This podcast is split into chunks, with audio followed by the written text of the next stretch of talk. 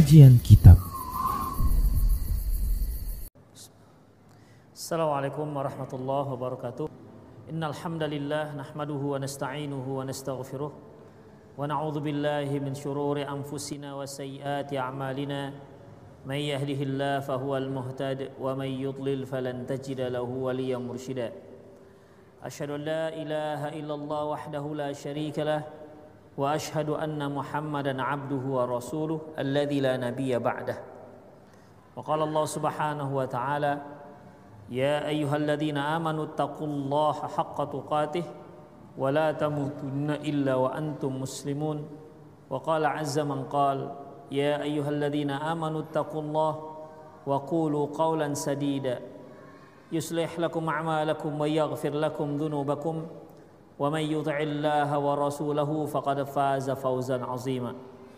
يا أيها الناس اتقوا ربكم الذي خلقكم من نفس واحدة وخلق منها زوجها وبث منهما رجالا كثيرا ونساء. واتقوا الله الذي تساءلون به والأرحام. إن الله كان عليكم رقيبا. أما بعد إن أصدق الحديث كتاب الله وخير الهدي هدي محمد صلى الله عليه وسلم. wa syarrul umur muhdatsatuha wa kullu muhdatsatin bid'ah wa kullu bid'atin dalalah wa kullu dhalal Kaum muslimin dan kaum muslimat, para pemirsa Rosat TV dan pendengar radio Medan Mengaji di mana pun Anda berada serta jamaah Masjid Taubah rahimani Allah wa iyyakum. Alhamdulillah kembali kita bertemu dalam kajian kitab yaitu Al-Mausu'ah Manahi Syar'iyyah. Kita masuk pada bab berikutnya babun ma yukrahu minas salati 'alal munafiqi ma'lumun nifaq. Bab dibencinya salat terhadap seorang munafik yang sudah terang-terangan kemunafikan.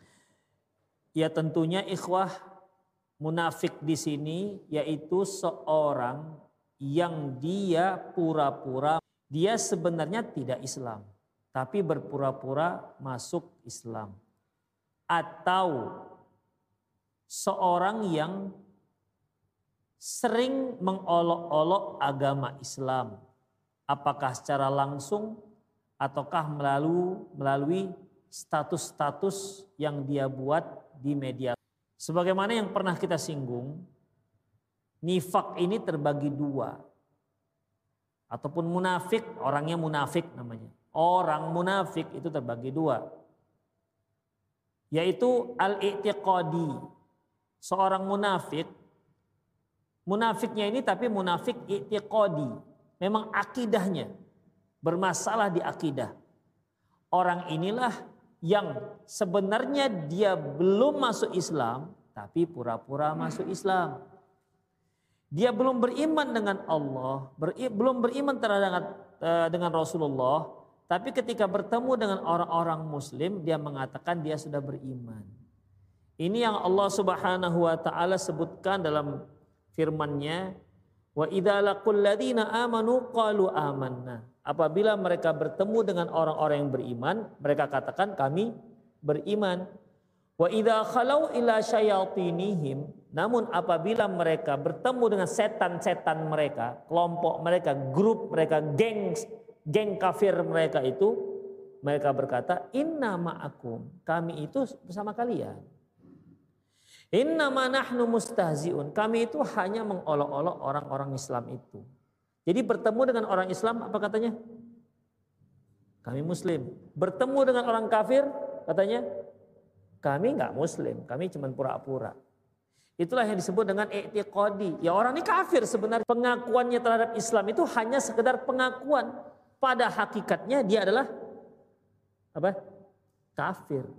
Kalau ini jelas tak boleh disolat. Yang kedua jenis nifaknya yaitu al-amali. Amalan. Dia munafik bukan keyakinan. Tapi amalan. Mengapa? Karena perbuatannya mirip dengan perbuatan orang-orang munafik i'tiqadi.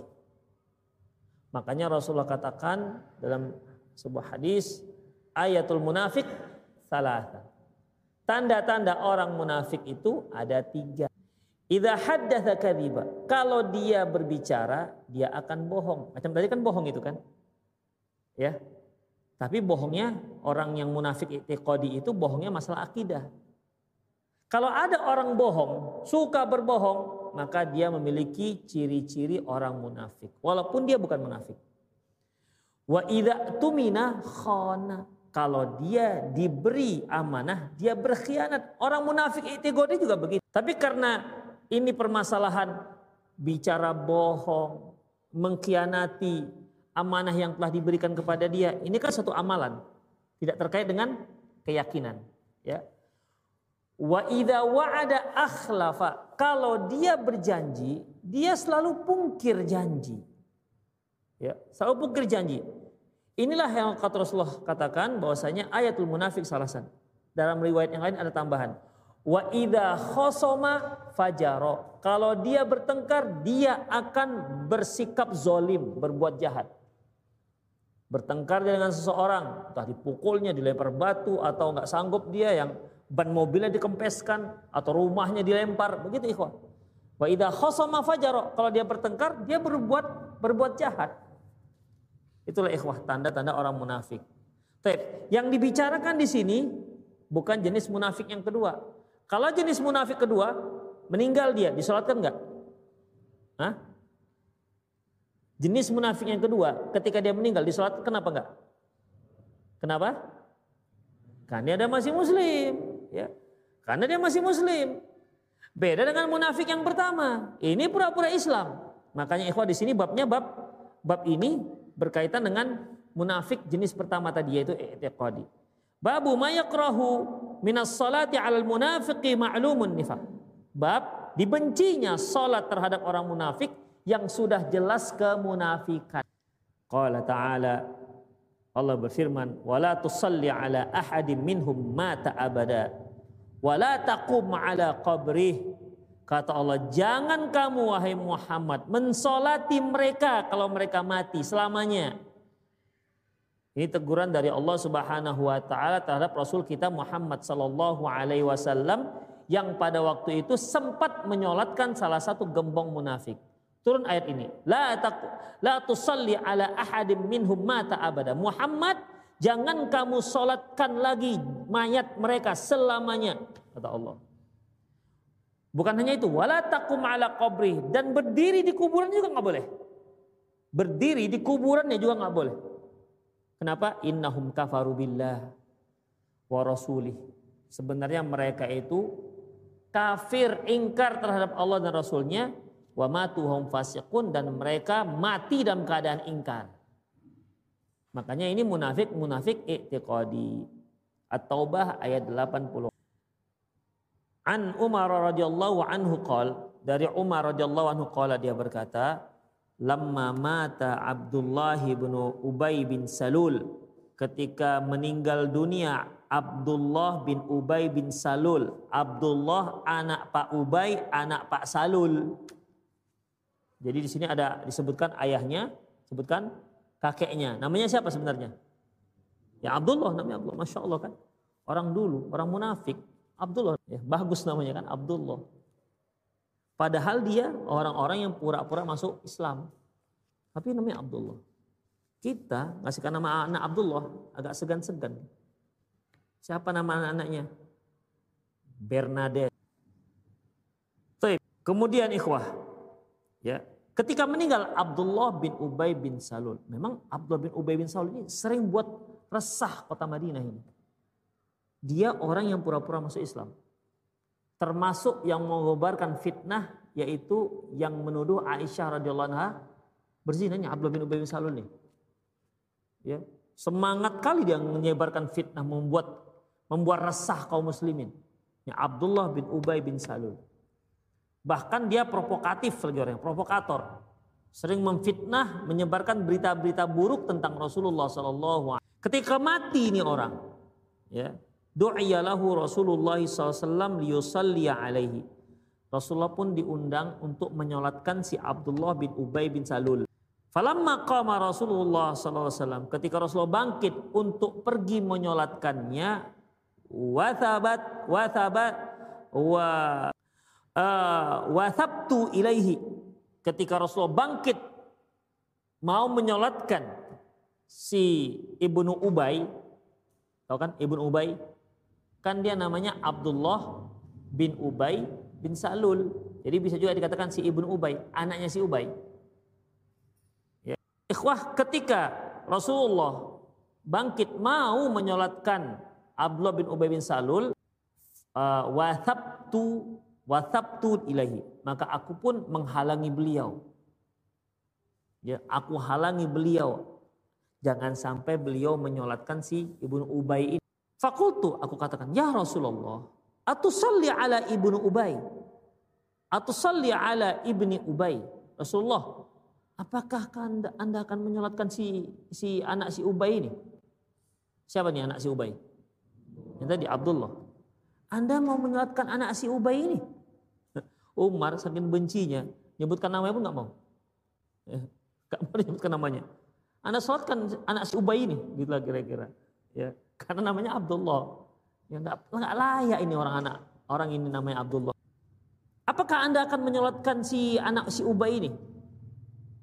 Waqad qala yaum kada wa kada wa kada a'dada a'adda a'dada alaihi qaulah dia ini yang ngomong begini, begitu, begini. Disebutkan Umar bin Khattab satu persatu omongan-omongan si Abdullah bin Ubay, si Ibnu Ubay ini, si anak si Ubay ini.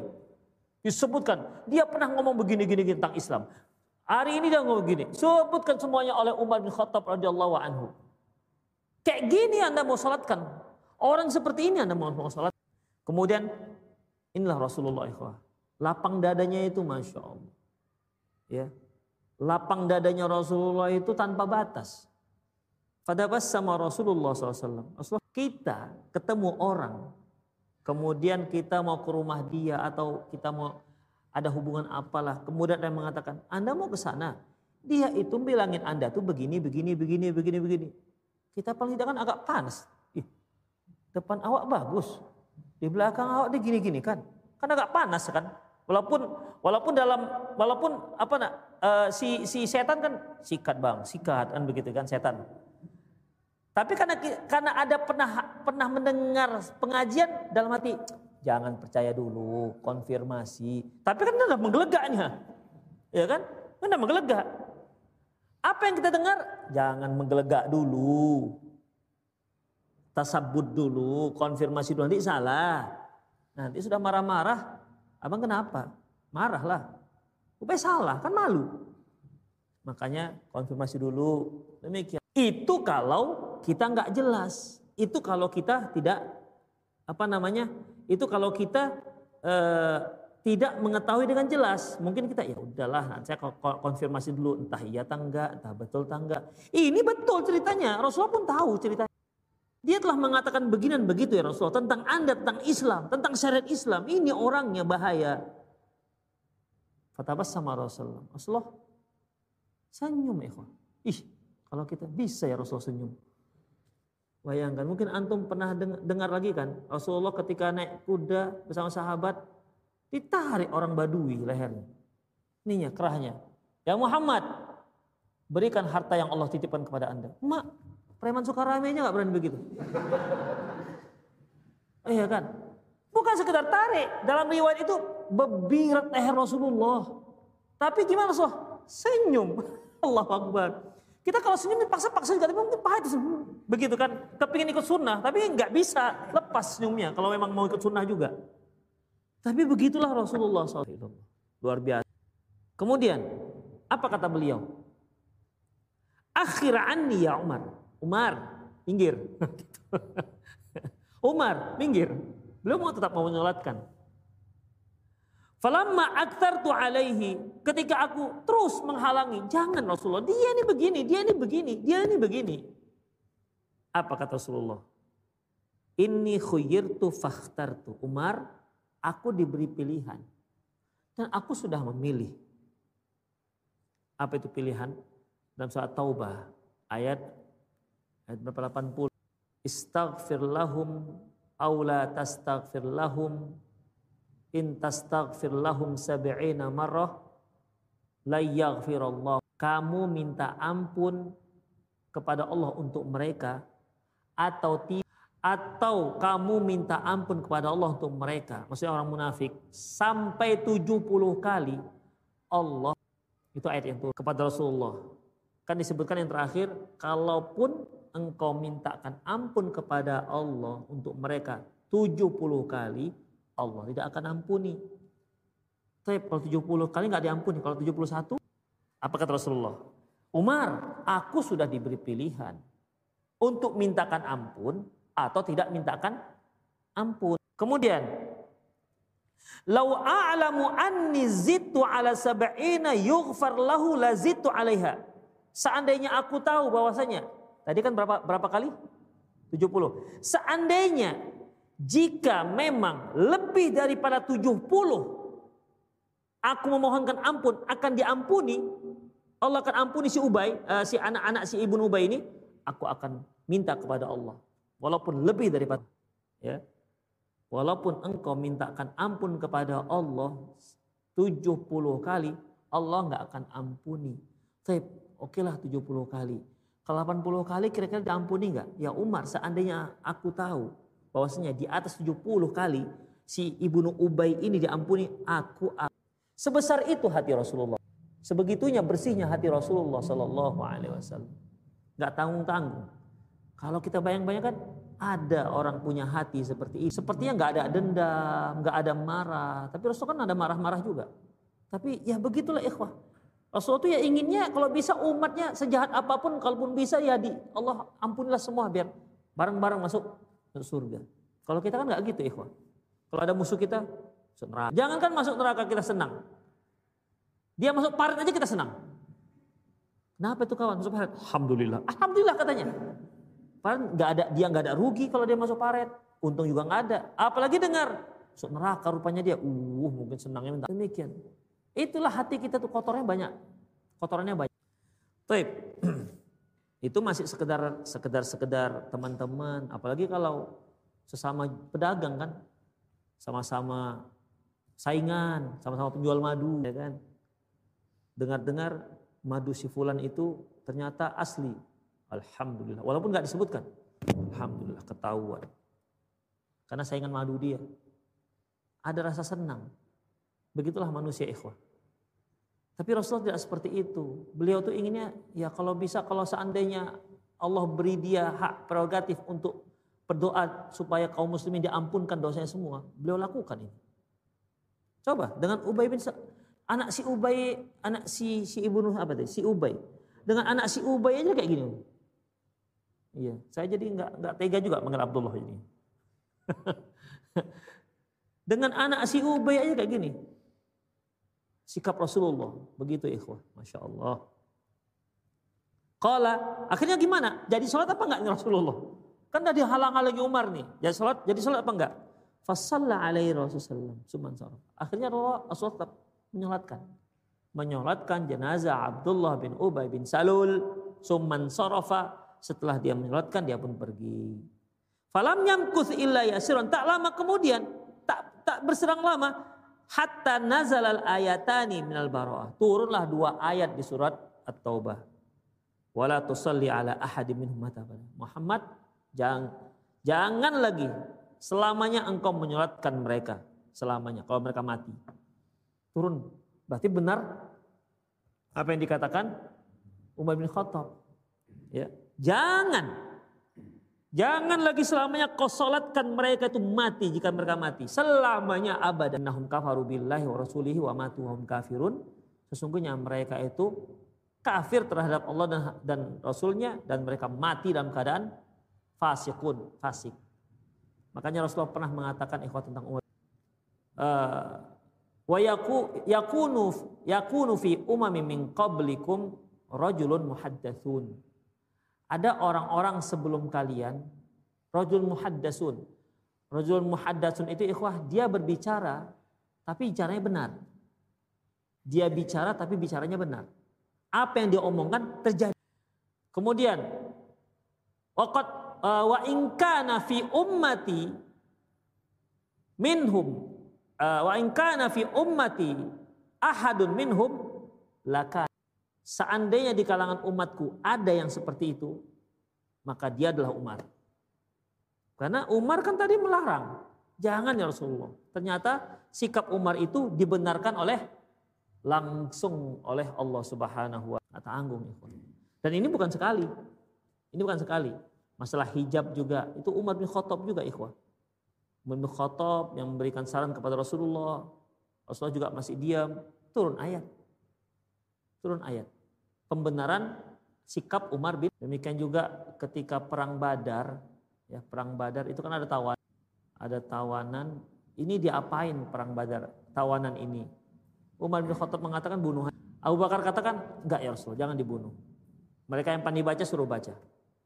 Suruh ngajarkan untuk baca. Ternyata ikhwah rahimanallahu wa iyyakum Allah apa namanya membenarkan sikap Umar bin Khattab radhiyallahu anhu. Baik. Kemudian apa kata Umar? Fa'ajibtu ba'du min jur'ati ala Rasulillah SAW yauma idin. Kalau ku ingat-ingat lagi kisah ini, aku merasa heran ber, akan keberanianku pada waktu itu. Akan keberanianku pada waktu itu bersikap seperti itu di hadapan langsung Rasulullah sallallahu demikian ikhwah. Kok berani ya waktu itu? Wa Rasulullah alam. Hanya Allah dan Rasulnya lah yang lebih tahu. Taib min fikhil bab. Di antara fikih bab.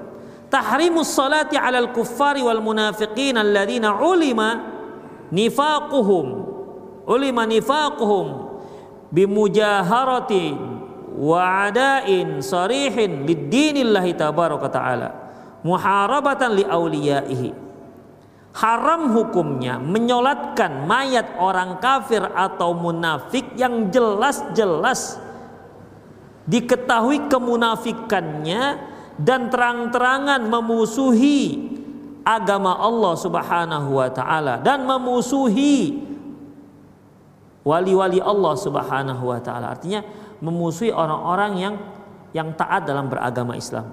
Au tabayyana kufruhum bima yadhharu ala alsinatihim minal kalimatin fiha ghamzu fi ba'di ahkam syariah. Atau seorang yang bisa disimpulkan dengan jelas akan kekufurannya dikarenakan lisannya atau melontarkan kalimat-kalimat yang mengkritisi yang mengolok-olok ya agama uh, yang mengolok-olok uh, uh, hukum-hukum syariat.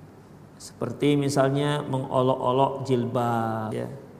Apalagi mengolok-olok jenggot misalnya ya. Mengolok-olok sholat. Kan sempat kan beberapa waktu yang lalu viral ya anak-anak muda mereka berjoget-joget dengan dengan gerakan sholat demikian sengaja di syuting demikian ikhwah. Jadi yang seperti ini udah jelas-jelas mengolok-olok agama Islam.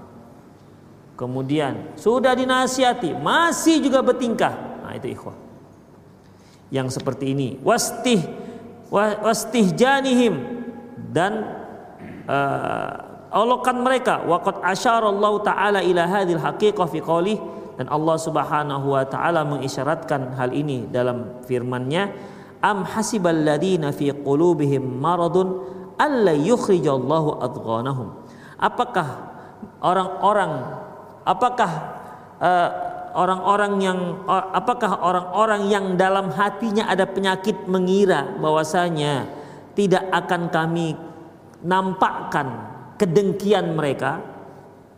Kan ada orang-orang ikhwah dengki ya mereka dengki dengan kaum muslimin dia orang Islam sebenarnya dengki dengan kaum muslimin dan Allah Subhanahu wa taala akan nampakkan bahwasanya orang ini dengki tidak suka dengan kaum muslimin. Allah akan nampakkan kepada kaum muslimin yang lain walaupun dia katakan dia adalah seorang yang muslim. Itu ikhwah.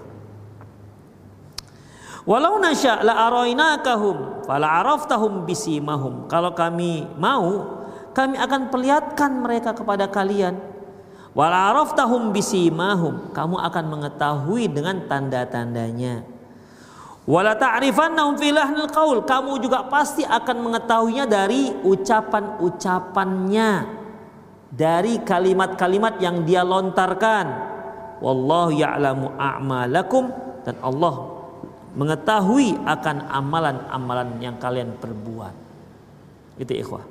Nomor dua, jadi intinya bahwasanya tak boleh haram hukumnya menyolatkan orang kafir atau orang munafik yang jelas-jelas tak suka dengan syariat Islam walaupun KTP-nya Islam. Hanya untuk menentukan orang yang ini, yang kedua ini, ini nggak mudah. Ya, ini nggak mudah ikhwah. Kadang-kadang dia kita nilai orang ini mengolok-olok Islam, tapi menurut dia itu sebuah pembahasan ilmiah. Seperti setan yang ada di saf. Iya kan? Rasulullah mengatakan rapatkan saf kalian. Kalau nggak rapat, masuk setan dalam bentuk kambing. Datang si kawan, biarlah masuk setan, biar ikut sholat dia. Kan menjengkelkan ini jawabannya.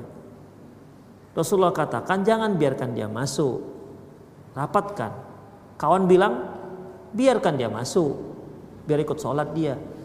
Setan ikut sholat. Kalau Rasulullah katakan jangan biarkan dia masuk karena dia setan, dia masuk masuk ke saf bukan untuk sholat. Itu ngapain? Ganggu orang sholat. Itu ikhwah. Namanya juga setan. Iya, bukan dia sholat di situ. Pasti ganggu orang sholat. Ketika Rasulullah SAW larang itu, itu tandanya dia ganggu orang sholat. Terutama khinzab. Khinzab ini setan yang khusus ganggu orang sholat. Yang buat kita lupa rakaat itu khinzab. Ya khinzab. Tapi kita jangan dikit-dikit nyalek khinzab. Memang kita suka melamun khinzab ini. Demikian ikhwah rahimunallah wa iyyakum. Ya jadi uh, sebenarnya mengapa semakin sering lupa begitu? Ya karena hati kita kotor sekhinzab ini pun semakin kuat. Masih Allah Akbar takbir pertama Udah tiga apa empat? Ilaha. Jadi permasalahannya bukan khinzabnya semakin hebat, kitanya semakin kotor hati kita. Sehingga membuat dia semakin kuat, semakin mudah membuat kita lupa. Demikian ikhwah. Kadang-kadang kita ini rakaat kedua ini. Ah, udah tahiyat. Begitu naik rakaat keempat, baru sebentar ini, ini rakaat kedua. Begitu naik rakaat ketiga. Tiga apa dua ya? Pernah nggak tuh malam itu? Alah. Diam, soal nggak pernah. Demikian ya, udah ke begini. Ini ini kedua ini. Begitu kan kedua ini. Begitu naik ketiga, dua apa tiga ya? Bisa hilang ikhwah. Ya, bisa blank dia. Padahal setengah menit yang sebelumnya sudah kita ingat-ingat itu. Begitulah hebatnya. Ya. Bukan nggak hebat, nggak hebat. Gak hebat setannya. Kita yang selalu lemah menghalangi. Nah, ikhwah, pernyataan-pernyataan seperti itu itu kan mengolok. Mungkin kata kita mengolok-olok ini orang. Ya, mengolok-olok hadis Rasulullah sallallahu alaihi wasallam. Mungkin menurut dia ini sebuah pernyataan ilmiah, kan begitu. Jadi untuk menentukan orang kedua ini betul-betul orang nggak boleh memang muslim sih ini betul-betul nggak boleh disolatkan. Demikian. Untuk menentukan yang kedua ini memang rada-rada sulit. Karena dia harus kufur dulu. Kita harus vonis dia menjadi orang kafir. Permasalahannya kalau kita salah memvonis orang kafir, terus balik ke kita. Ya, mengkola li akhi ya kafir faqad ahaduhuma. Barang siapa yang berkata kepada saudaranya, "Eh kafir," maka salah seorang dari mereka ada yang jatuh kafir. Kalau yang dituduh nggak kafir, yang menuduh yang kafir balik dia ikhwah. Demikian ya. Yang kedua, wa yuhramu istighfarul musyrikin. Haram hukumnya memohonkan ampun untuk orang musyrik. Walau kana ulil qurba, walaupun kerabat-kerabat terdekat, misalnya eh, paman paman si paman kita misalnya, sementara dia bukan orang muslim. Ya, kita doakan ya Allah ampunlah dosa dia. Gak akan mungkin Allah ampunkan dosa dia karena dia masih kafir. Maka yang perlu kita lakukan apa doanya? Ya Allah berikan dia hidayah. Demikian Allah tidak akan mengampuni dosa orang yang kafir. Selama dia kafir, Allah nggak akan ampuni. Apalagi mati dia dalam keadaan kafir, habislah dah. Ya, tidak akan ada kesempatan untuk keluar dari api neraka. Tapi kalau dia masuk Islam, nah ini ikhwah. Kalau dia masuk agama Islam, kebaikan dia yang pernah dia lakukan ketika di masa kafirnya, kembali dicatat. Ya, kembali dicatat. Misalnya ketika kita katakan saja dia tadinya orang Kristen misalnya. Semasa dia Kristen mungkin pernah menolong orang, ya, pernah menasihati orang, perbuatan baik standar lah ya, ya yang perbuatan kemanusiaan ya. Taip. Kalau dia masih kafir, semua amalan yang kebaikan yang dia lakukan, maka rumusnya n kali nol. N itu perbuatan baik dia, kalikan nol, hasilnya tetap nol. Tetapi kalau dia masuk ke dalam Islam, perbuatan baiknya itu ya, perbuatan baiknya itu akan dihitung oleh Allah Subhanahu wa taala dan perbuatan buruknya diubah menjadi perbuatan baik. Bayangkan ikhwah. Perbuatan buruknya dirubah menjadi perbuatan baik. Kalau gitu Ustaz enak sekali ya orang murtad-murtad itu masuk Islam. Kalau gitu murtad dulu lah kita. Eh jangan. Jangan ikhwah. Kalau antum atas dasar itu murtad dulu, iya kalau masuk Islam lagi. Kalau enggak begitu murtad mati habis. Habis. Jangan main-main masalah murtad enggak murtad. Ya. Jadi masalah-masalah seperti ini tidak tidak tidak boleh main-main. Kadang-kadang kan ada anak-anak muda, ih kalau kalau saya bohong saya kafir katanya. Seenak itu mengatakan seperti itu, nggak boleh. Haram itu. Ya. Sumpah-sumpah aja tapi jangan sampai masuk ke kerana kalau saya bohong saya kafir. Kalau nggak boleh seperti itu. Demikian ikhwah, ya itu yang harus hati-hati. Tidak boleh kita memohonkan ampun kepada Allah kepada orang musyrik, orang kafir, walaupun kerabat-kerabat. Di kauli ta'ala berdasarkan firman Allah Subhanahu wa taala, "Wa ma kana linabiyyin wa ma kana lin nabiyyi walladzina amanu ay yastaghfiru lil musyrikin walau kanu ulil qurba walau kanu uli qurba min ba'di ma tabayyana lahum annahum ashabul jahim. Tidaklah layak bagi para lagi bagi seorang nabi dan juga orang-orang yang beriman memohonkan ampun kepada Allah untuk orang-orang musyrik. Walaupun orang musyrik tersebut adalah kerabatnya setelah jelas bagi dia bahwasanya kerabatnya itu merupakan penghuni neraka jahim, penghuni neraka jahanam. Wa ma kana istighfaru Ibrahim li abihi illa am wa'adaha iya. Tidaklah istighfarnya Ibrahim untuk ayahnya. Kan ayahnya kan waktu itu masih kafir. Ayahnya kan kafir kan? Tidaklah istighfarnya Nabi Ibrahim untuk ayahnya kecuali karena beliau menjanjikannya illa am mau'idati wa'adaha iya karena dia memang sudah menjanjikannya. Falamma tabayyana lahu annahu aduun lillah tabarra amin ketika sudah jelas bagi dia bahwasanya ayahnya itu benar-benar musuh Allah maka Ibrahim pun berlepas diri. Ini kisahnya ikhwah. Ketika Nabi Ibrahim alaihissalam berdakwah kepada ayahnya Ya abati inni qad ja'ani minal ilmi fattabi'ni ahdika siratan sawiyya. Wahai ayahanda, sungguhnya telah datang kepadaku ilmu, maka ikutilah aku, aku akan tunjukkan kamu ke jalan yang lurus. Ya abati la ta'budi syaitan, inna syaitana kana lirahmani asiyya. Wahai ayahanda, janganlah engkau sembah syaitan. Setan itu durhaka kepada Allah. Ya abati, apalagi? Inna syaitana kana lirahmani asiyya. Ya abati inni akhafu ayyamassaka adzabun minar rahman. Fatakuna lisyaitani waliya. Ya wahai ayahanda, aku khawatir kamu kamu nanti akan diadab oleh Allah dan dan dan pemimpinmu nanti adalah setan. Jadi Nabi Ibrahim berdakwah kepada ayahnya dan memang konsep daripada dakwah itu ya kerabat-kerabat dulu yang kita dakwahi. Kalau kita punya istri ya istri kita dakwahi. Jangan istri kita biarkan kita pergi jalan-jalan ke mana begitu. Ya, jalan ngajarkan orang sunnah, ngajarkan orang ini, ngajarkan orang amalan ini. Istrinya ditinggal. Gak pernah dia dia ajak. Demikian. Jadi di sini Nabi Ibrahim alaihissalam mengajak ayahnya. Tapi apa respon ayahnya?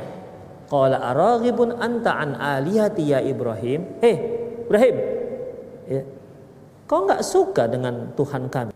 La ilam tantahi, kalau kamu nggak hentikan dakwahmu ini, la arjumannak, aku akan lempar kau sampai mati wahjurni maliyah atau minggat dari sini. Diusir Nabi Ibrahim alaihissalam. Ya, diusir. Ya Nabi Ibrahim alaihissalam tentunya yang dia pilih ya daripada dilempar mati, saya mati mendingan angkat kaki, ya kan? Kalau dia enggak, enggak ya, aku tidak akan menghentikan dakwah ini dan tidak akan keluar dari kampung ini. Akhirnya dilempar sampai mati. Gimana jadinya? Berhentikan dakwah. Berhenti dakwah. Jadi bagaimana? Ya udah, lebih kecil mudorotnya dia harus keluar dari dari kampungnya. Rasulullah keluar gak dari kampungnya? Keluar dari kampungnya. Dari luar kampungnya itu namanya didakwahkan kembali kampungnya dan berhasil ditaklukkan. Begitu ikhwah. Jadi kalau antum dakwah di kampung, ya kalau antum punya kampung sih, nggak diterima, ya nggak terima dakwah antum, diusir, udah nggak apa-apa, keluar aja. Nah, baru nanti pelan-pelan masuk lagi, oh, ya masuk lagi. Misalnya antum orang Aceh, susah dakwah salaf di Aceh misalnya, ya antum diusir, udah keluar, oke keluar kita, gitu kira-kira. Baik. Demikian kan? Ah, dari luar nanti mainkan dakwah itu. Ah, demikian ikhwah rahimani Allah wa iyyakum. Itulah dia. Dan sepertinya memang begitu ya cara-cara cara para nabi. Intinya tidak ada kata berhenti dalam dakwah. Begitu. Kalau bisa menghindar dari siksaan mereka, menghindar. Kecuali nggak bisa menghindar, ya udahlah. Kalau dia pilih mati atau dakwah, matilah kalau begitu kan nggak ada pilihan lain mati apa dakwah? Maksudnya kamu kalau berdakwah mati atau nggak berdakwah hidup. Pilih yang mana? Antum pilih yang mana kalau kayak gitu? Mau dakwah mati, mau nggak dakwah hidup. Pilih yang mana? Bingung dia kan? Pilih yang mana kira-kira? Apa mikir? Ustad, ntar Ustad belum kawin gitu. ya seorang yang militan, seorang nabi ya ya dia pasti akan milih ya kalau seandainya dipilih berdakwah akan berdakwah kemudian mati nggak berdakwah hidup yang mendingan berdakwah mati kan begitu ikhwah ya kalau dia hidup tapi nggak berdakwah apa guna hidupnya nah itu pilihan Nabi Ibrahim ketika dia ditangkap kawan ditangkap kaumnya kan ditangkap kaumnya karena dia sempat memecahkan memecahkan berhala-berhala Demikian ikhwah. Ditangkap dia, akhirnya dia gak ada pilihan. Dia diikat, dia akan di, dibakar. Tapi kan Allah Subhanahu wa taala berkehendak lain. makar wa makar Allah. Mereka buat makar, Allah punya makar. Allah kharum makirin. Makarnya Allah lebih lebih baik. Allah tinggal katakan kuni ya naru kuni ya naru uh, kuni ya naru kuni barda wasalaman ala Ibrahim. Hei api, hendaklah kamu uh, jadi dingin dan sedang dinginnya sedang terhadap Ibrahim. Apa kata para ulama kita? Kalau seandainya Allah katakan, "Ya naru kuni bardan ala Ibrahim," maka Ibrahim akan meninggal kedinginan. Jadi apinya akan menjadi dingin. Dinginnya api itu akan membuat Nabi Ibrahim meninggal. Tapi bardan wasalaman. Dingin tapi dinginnya sedang. Nah, begitu. Ya, jadi betahlah jadi apa sejuk lah kata dia berarti sejuk lah namanya demikian jadi Ibrahim di di api itu ya sejuk begitu sepoi-sepoi malah betah begitu kan itulah dia ikhwah rahimanallah wa iyyakum Taib. Ketika dia diusir oleh ayahnya, dia pilih udahlah kalau begitu angkat kaki. Apa kata Nabi Ibrahim? Qala sa'asta qala salamun alaik. Wahai ayahanda, selamat tinggal. Masih sempat sama tinggal. Bayangkan ikhwah. Panda diusir itu. Ya. Salamun alaik sa'astaghfirulaka rabbi. Aku akan mohonkan ampun kepada Allah untukmu. Itulah janji Ibrahim kepada ayahnya ketika dia mau berangkat meninggalkan ayahandanya. Ini yang disebut dengan dalam ayat. Wa maka istighfaru Ibrahim illa amau'idati wa'adaha iya. Itu Nabi Ibrahim, dia berja dia mengatakan kepada ayahnya dia akan memohonkan ampun kepada Allah untuk ayahnya itu dikarenakan dia pernah berjanji falamma tabayyana lahu ketika dia sudah jelas bagi dia annahu aduwulillah bahwasanya ayahnya ini memang benar-benar musuh Allah tabarra amin maka dia pun berlepas berlepas diri Demikian ikhwan. Qala An-Nawawi rahimahullah fil majmu' amma salatu 'alal kafir wa du'a lahu bil maghfirah fa haramun bin nassil Qur'an wal ijma'. Adapun salat terhadap orang kafir mendoakannya agar mendapatkan keampunan maka haram dengan nas dengan nas Al-Qur'an dan ijma'. Artinya ada orang dia kafir, mati dalam kekafiran, tidak boleh haram hukumnya mendoakan dia mendapat keampunan. Allah maafirlahu warhamhu. Enggak bisa. Itu khusus untuk yang muslim yang meninggal. Ya. Tapi kalau dia sudah kafir, nggak bisa doakan seperti itu. Jadi apa yang kita buat? Kalau teman teman kita yang kafir, ya mungkin tetangga kita kafir, mati dia. Apa yang kita doakan? Ah neraka? Itu ya begitu datang neraka lah kalian. Gitu.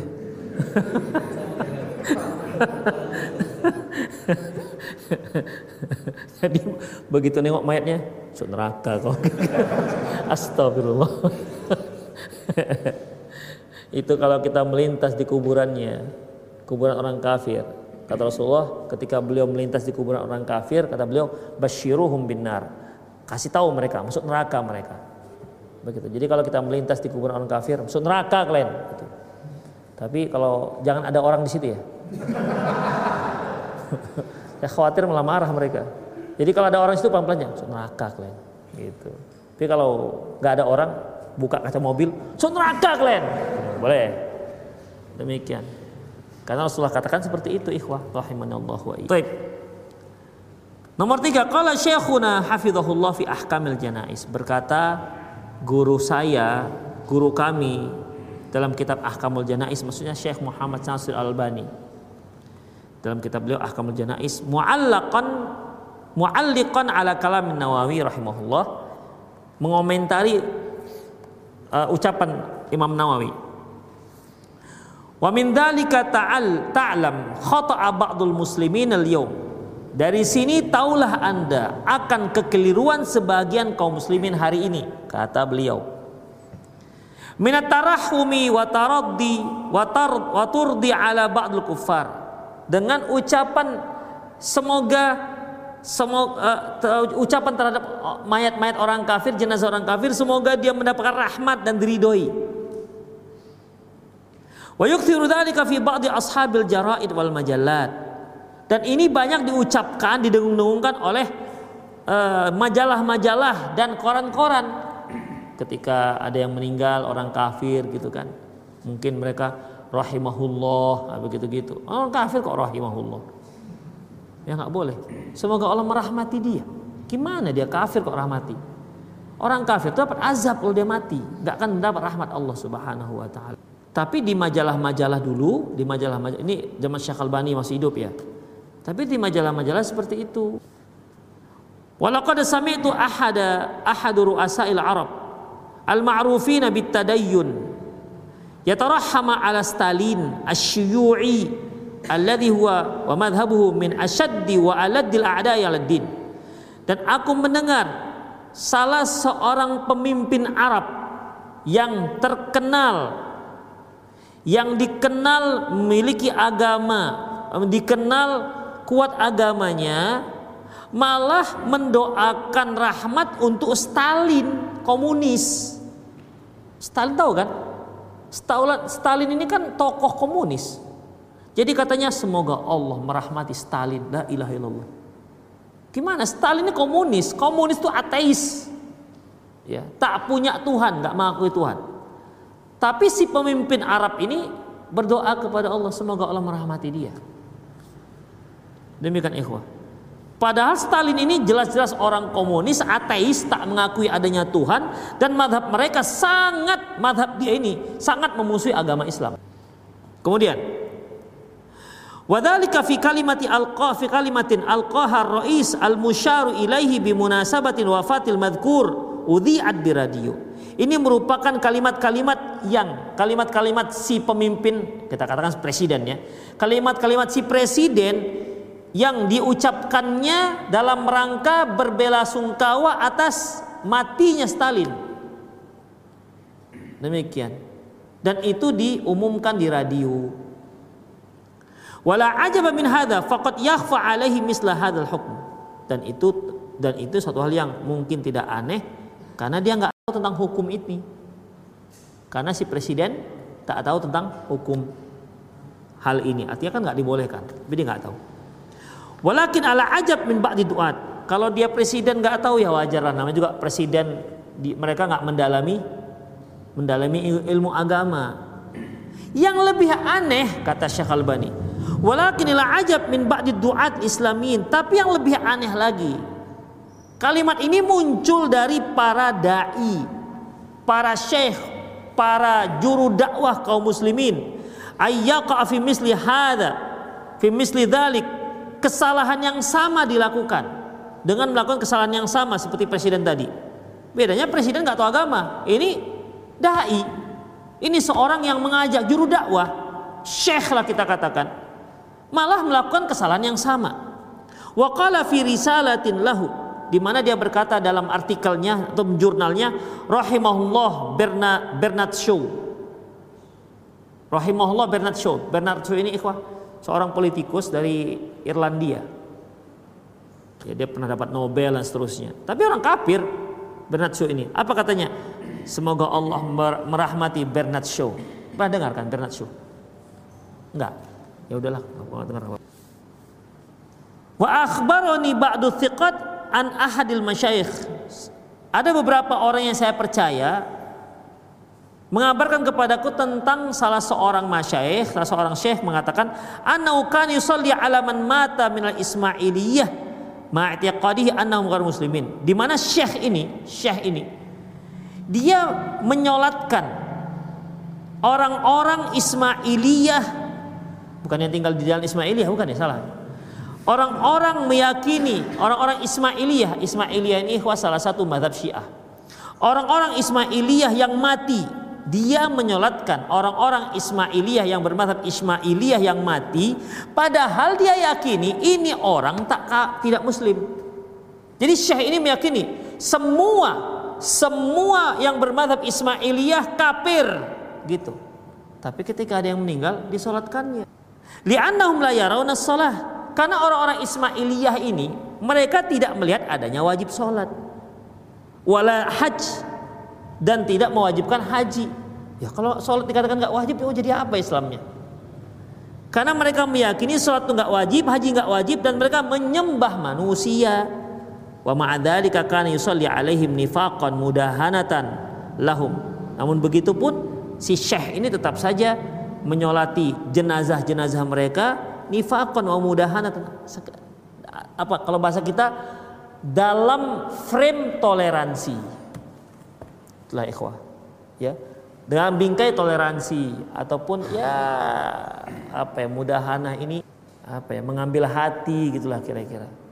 Ya bahasa kita lebih enaknya dekatnya dengan bahasa toleransi. Wa ilallahil mustaka. Hanya kepada Allah kami mengadu. Wallahu musta'an dan hanya pada Allah kami memohon uh, memohon pertolongan. Demikian ikhwah rahimanullah jadi intinya ya intinya satu aja sebenarnya. Nggak boleh memohonkan ampun kepada Allah untuk orang kafir yang mati. Itu dia. Ya. Apalagi menyolatkannya. Walaupun dia punya apa namanya punya jasa dalam Islam. Mungkin nggak? Orang kafir punya jasa dalam Islam? Hah? mungkin. Bisa saja. Dia dia dia nyumbang ke masjid misalnya. Udah nih pak ini saya punya duit 5 miliar. Bangunlah masjid terserah. Begitu boleh kita terima? Hah? Boleh nggak? Gak ada masalah, asalkan jangan ada syarat-syaratnya. Nih 5 miliar bangunlah masjid, tapi pas Natal kami pinjam ya. Boleh? Oh nggak bisa, ya. Makan kalian 5 miliar ini. kalau nggak pakai syarat boleh gitu, ya. Tapi kalau pakai syarat-syarat seperti itu nggak bisa ya. Demikian aku qouli hadza wa astaghfirullah li wa. Bisal muslimin inna wal ghafurin. Bagi para ikhwah yang ingin bertanya silakan, ikhwah yang ada di masjid silakan. Bagi para pemirsa yang ingin bertanya boleh hubungi dengan nomor kontak yang ada di layar televisi Anda atau juga boleh kirimkan melalui via WhatsApp dengan nomor yang sama. Taib silakan. Silakan Pak. Ya, yang tua dulu. Mendoakan Oh, kita mendoakan anak itu menjadi anak yang soleh padahal orang dua-dua orang tuanya kedua orang tuanya bukan orang Islam. Begitu ya. Ikhwah soleh itu artinya benar. Ya soleh. Makanya kalau dalam bahasa Arab yuslihu yuslihu as-sayyarah. Dia memperbaiki mobil. Nah, jadi mobil yang bagus mobilnya soleh. Nah, solehah mobilnya kan tapi jarang orang mengatakan ih mobilnya solehah kali kan nggak ada. Biasanya kalau orang Indonesia kalimat solehah itu ditujukan kepada perempuan. Maksudnya perempuan yang baik-baik. Kalau itulah yang dimaksud boleh. Artinya menjadi orang yang baik-baik tentunya nggak karena ada hitungan orang baik kalau dia nggak masuk Islam. Ya kan? Sebaik apa pun orang kalau dia nggak masuk Islam nggak akan ada baiknya. Seperti yang kita katakan tadi, rumusnya n kali nol. Percuma dia buat baik, nggak akan ada, nggak akan ada faedahnya, nggak akan dihitung nggak oleh Allah Subhanahu wa taala. Kalau itulah niatnya boleh, artinya semoga dia menjadi orang yang soleh, masuk Islam, demikian dapat hidayah. Itu pak. Ya. Ada lagi silakan. Ya. Hmm. Hmm di tempat kita. Nah. Ya, ikhwah, jangan coba-coba masalah sekolah anak, ya. Jangan coba-coba masalah sekolah anak. Biasanya teman-teman yang sudah ngaji, yang masih berpikir ijazah ini biasanya. Nanti kalau anak saya nggak disekolahkan negeri atau umum, terus ijazahnya mana? Makanya ikhwah sering ditanyakan di pertanyaan seperti ini di Rosyad TV. Maka jawabannya kalau di tempat kita itu nggak ada lembaga sekolah yang sunnah, maka antum mulai. Berapa orang di sana? Misalnya ada berapa orang? Lima keluarga. Mulai dari lima keluarga. Demikian. Masalah ijazah gampang sekarang, ikut paket selesai. Demikian. Dan ijazah paket itu diakui. Selama masih ada burung garudanya di situ diakui. Kecuali kalau antum rubah kan burung perkutut. Demikian. Diakui paket diakui mau paket apa? A, B, C. Antum mau masuk mau masuk apa? Mau masuk mau masuk universitas paket C. Bisa. Apalagi zaman era Pak Jokowi sekarang. Ijazah nggak jadi masalah Ibu apa itu yang nggak punya ijazah malah pakai C dia. Ibu apa? Bu Susi jadi menteri. Ini kemudian ada lagi yang jadi menteri nih. Yang jadi menteri nggak sarjana pun. Menteri apa itu? Yang dia nggak salah punya apa? Traveloka, Traveloka apa apa punya? Hah? Lupa saya. Masih muda orangnya. Yang punya Gojek apa apa ya? Ah itulah dia pokoknya. Demikian, nggak sarjana. Demikian. Jadi eranya era sudah uh, profesional, profesional gitu ikhwan. Jadi jangan udahlah daripada nggak punya ijazah, insya Allah ikhwan. Wa yattaqilla ja'ala makhraja. Barang siapa yang bertakwa kepada Allah, Allah akan beri jalan keluar. Kumpulkan mungkin masih tiga orang empat orang, udah ganti-gantian emaknya ngajarkan, ya kan? Buka buat kelas di ujung sudut sana atau di ruang tamu buat Demikian. Saya dulu waktu awal-awal itu di ruang tamu saya udah papan tulis. Nah, papan tulis tapi anak saya yang dicoret dinding. Bukan papan tulis. Ya begitu ikhwah. Lama-lama insya Allah Allah beri jalan keluar. Itu caranya ya. Jangan jangan jangan jangan ini, jangan langsung apa namanya kalah. Udahlah, boleh buatlah nggak ada yang lain gitu. Jadi kalau masalah ijazah, insya Allah mudah. Antum nggak dapat jalan, hubungi saya. Nanti apa? Kita kasihkan jalurnya, gampang. Ada fulus, aman.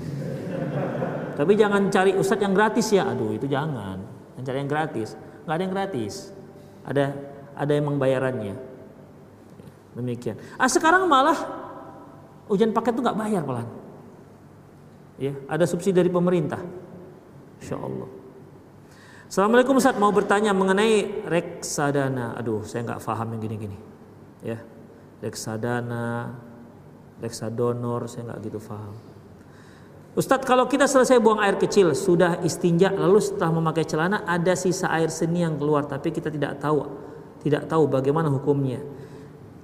Perhatikan Ustadz kalau kita selesai buang air kecil sudah istinja lalu setelah memakai celana ada sisa air seni tapi kita tidak tahu. Bagaimana hukumnya? Gimana hukumnya hukumnya kenapa antum tanya kalau nggak tahu? Nah, gitu. kalau nggak tahu ya nggak ada hukum kalau nggak tahu. Oh taunya ustadz setelah sholat. Misal begitu. Setelah sholat baru tahu. Ya sudah setelah sholat taunya sah. Jadi kalau kita pakaian kita ada apa namanya ada kotoran begitu ikhwah. Taunya setelah sholat nggak apa-apa sah Rasulullah ketika beliau sholat ternyata di sandal beliau ada ada najis. Datang Jibril memberitahu.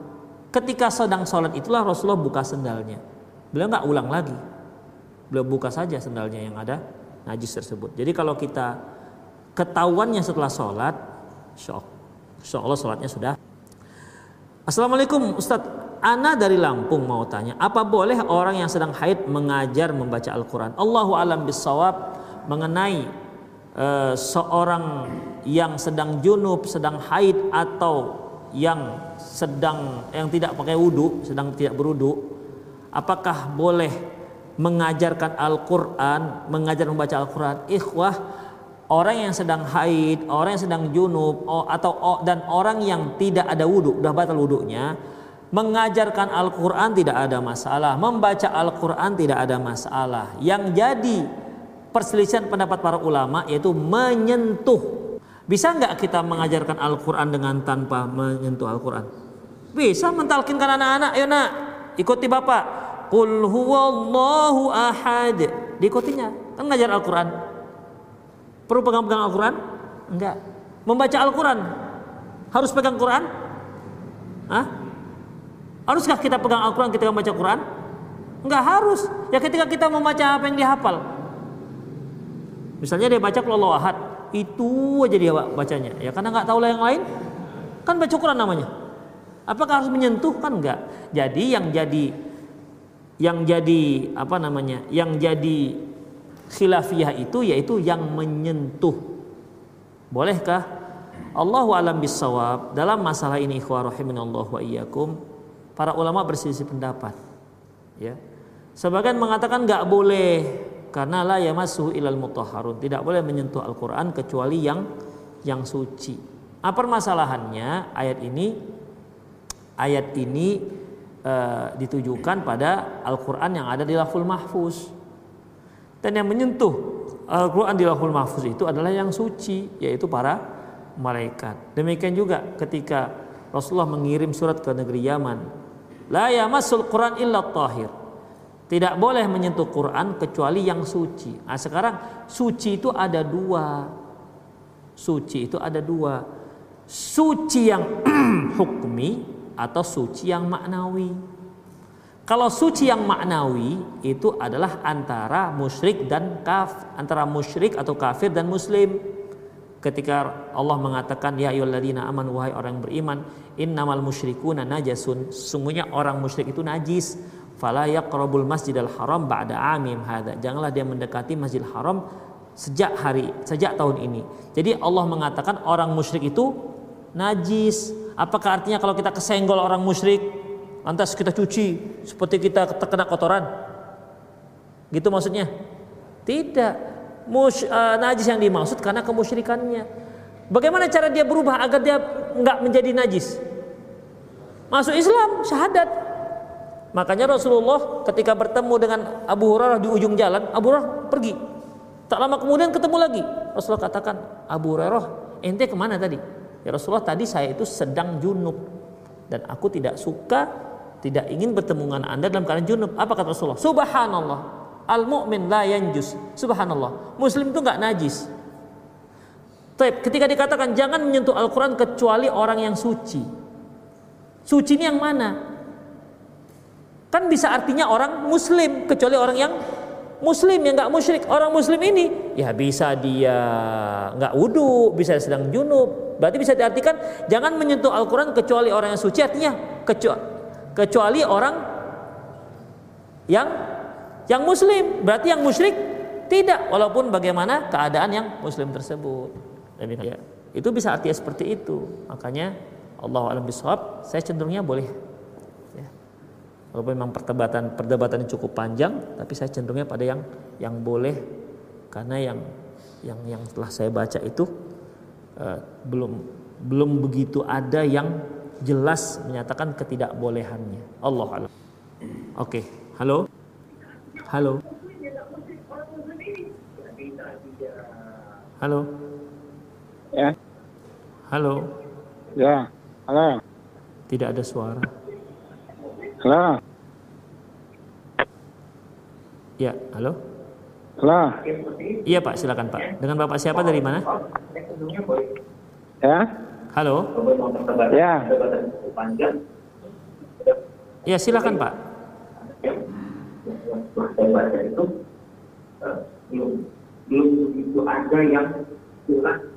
Halo. ya, ya, ya. Assalamualaikum, Waalaikumsalam warahmatullahi wabarakatuh. Dengan Bapak siapa dari mana? Bapak Nasrullah di Lampung, Mbak. Ya, silakan Pak. Ini masalah orang kalau meninggalnya bunuh diri itu, Ustaz ya. Ya. Itu terus gimana itu? Apakah boleh disolatkan sama kita apa tidak? Itu kan berkaitan dengan tadi itu orang kafir atau orang munafik itu gimana? Iya. Gimana hukumnya Ustaz itu? Oke, jazakumullah khairan. Iya. Iya. Ya. Assalamualaikum. Jazakumullah khairan Bapak yang bertanya. Ikhwah rahimanallahu wa iyyakum. Prinsip di dalam Islam, prinsip dasar bahwasanya setiap jenazah yang muslim wajib disolatkan. Setiap jenazah yang muslim wajib disolatkan sebesar apa pun dosanya. Selama dia belum murtad, maka dia wajib disolatkan. Termasuk orang yang mati bunuh diri. Apakah seorang yang mati bunuh diri bisa dikategorikan kafir? Hah? Tidak, kafir itu kan akidah, mengingkari. Tapi apakah orang yang membunuh dirinya bisa dikatakan munafik? Munafik yang, yang jenis yang pertama ya? Bisa? Enggak. Bunuh diri itu merupakan salah satu dosa besar yang terbesar. Tapi pelakunya tidak sampai pada murtad. Jadi bagaimana? Tetap wajib disolatkan. Hanya saja bagi pemuka-pemuka agama tidak dianjurkan menyolatkannya. Sebagaimana Rasulullah SAW ketika mau menyolatkan mayat, beliau tanya, ada utang nggak dia ini? Ada ya Rasulullah. Kalau begitu kalian saja yang menyolatkan. Tapi tetap disolatkan. Aku enggak. Itu sebagai tahdir, sebagai peringatan bagi orang-orang yang berbuat dosa. Itu hanya untuk orang-orang yang apa namanya? jadi panutan, orang-orang terkemuka dalam masalah agama di mana kalau dia nggak menyolatkan rasanya aib begitu. Tapi kalau kita yang nggak ada pengaruh, jangan seperti ini. Saya misalnya, Ustadz, Ustadz bisa nyolatkan mayat? Boleh. Punya utang nggak ini? Punya Ustadz kalian aja nyolatkan. Ya udahlah, Ustaz pergi sana biar kami nyolatkan. Gitu. Gak ada pengaruh. Ini hanya khusus orang yang berpengaruh, yang agamanya berpengaruh kepada kepada uh, kaum muslimin yang lain. Kalau dia tak dianjurkan untuk menyolatkan, walaupun tetap disolatkan. Itu ikhwah. Ya, semoga bisa difahami. Antum bisa paham maksudnya? Ya, saya kan? Karena yang namanya bunuh diri tidak tidak murtad, jadi tetap wajib disolatkan hanya apa tadi? Bagi pemuka agama yang berpengaruh dia tidak dianjurkan menyolatkannya. Jadi biar yang lain aja. Ustadz bagaimana membiasakan anak puasa Ramadan? Anak saya laki-laki usia 8 tahun Apa satu hari full atau setengah hari dulu? Ikhwah selama anak itu belum balik Anda bisa membiasakan dengan step by step. Karena para sahabat dahulu ya begitu juga. Kunna nusawi musibyanana kami dahulu mengajarkan anak-anak kami untuk puasa. Lu'batan minal ain. Kami buatkan untuk mereka uh, apa namanya boneka dari bulu. Faidah baka ala dalik atainah kalau mereka nangis karena lapar kami berikan. Demikian seterus sampai buka puasa. Demikian. Itu salah satu trik. Jadi kalau kita bagaimana? Triknya ya kasih hadiah. Ya hanya saja kalau anak sekarang apalagi sudah 8 tahun, nak kamu nanti puasa satu hari satu bulan nanti bapak kasih uh, boneka mau dia anak sekarang mana mau boneka pak. Hah. kalau iPhone 11 boleh lah katanya. Itu baru semangat dia. Boneka ya Allah. Itulah nak yang kalau dicabut dia bisa nangis sendiri. Allah gak tertarik. Nah, atau mentahnya. Begitu. Senang itu anak-anak kasih mentahnya. Berapa satu hari ya bisanya. Gitu. Nego. Anak-anak bisa nego. Dia kan hitung-hitung juga. Jajan saya satu hari sepuluh ribu terus tunjangan puasanya sepuluh ribu. Begitu totalnya dua puluh ribu. Kalau antum sanggup silakan beri dua puluh ribu. Nggak apa-apa. Tapi kalau nggak sanggup nego. Jangan dua puluh ribu lah nah gimana kalau tujuh ribu aja misalnya? Nego. Tapi kalau sudah deal berikan. Ini kan ya. Itu ikhwah caranya begitu. Oh belum bisa satu hari, ya sudah setengah hari dulu. Mumpung dia belum balik. Saya dulu anak saya yang bungsu, ya. Waktu itu tapi masih masih TK dia, ya setengah hari saya beri janjikan tiga ribu. Hari pertama mau tengah, tapi ikut sahur dia. Hari pertama mau pingsan setengah hari itu, tidur, lemas. Kasihan itu loh nengoknya, lemas. Hari kedua udah mulai kuat. Hari ketiga gimana nak? tambah dua jam lagi, habis tambah tiga ribu lagi. Wah. Begitu jam 12, kasihkan duit itu depan dia. Ha, ha. Atau kipas-kipaskan sedikit. Ha. Demikian semangat. Udah ada duitnya. Semangat. Tahankan ya dua jam ikhwah.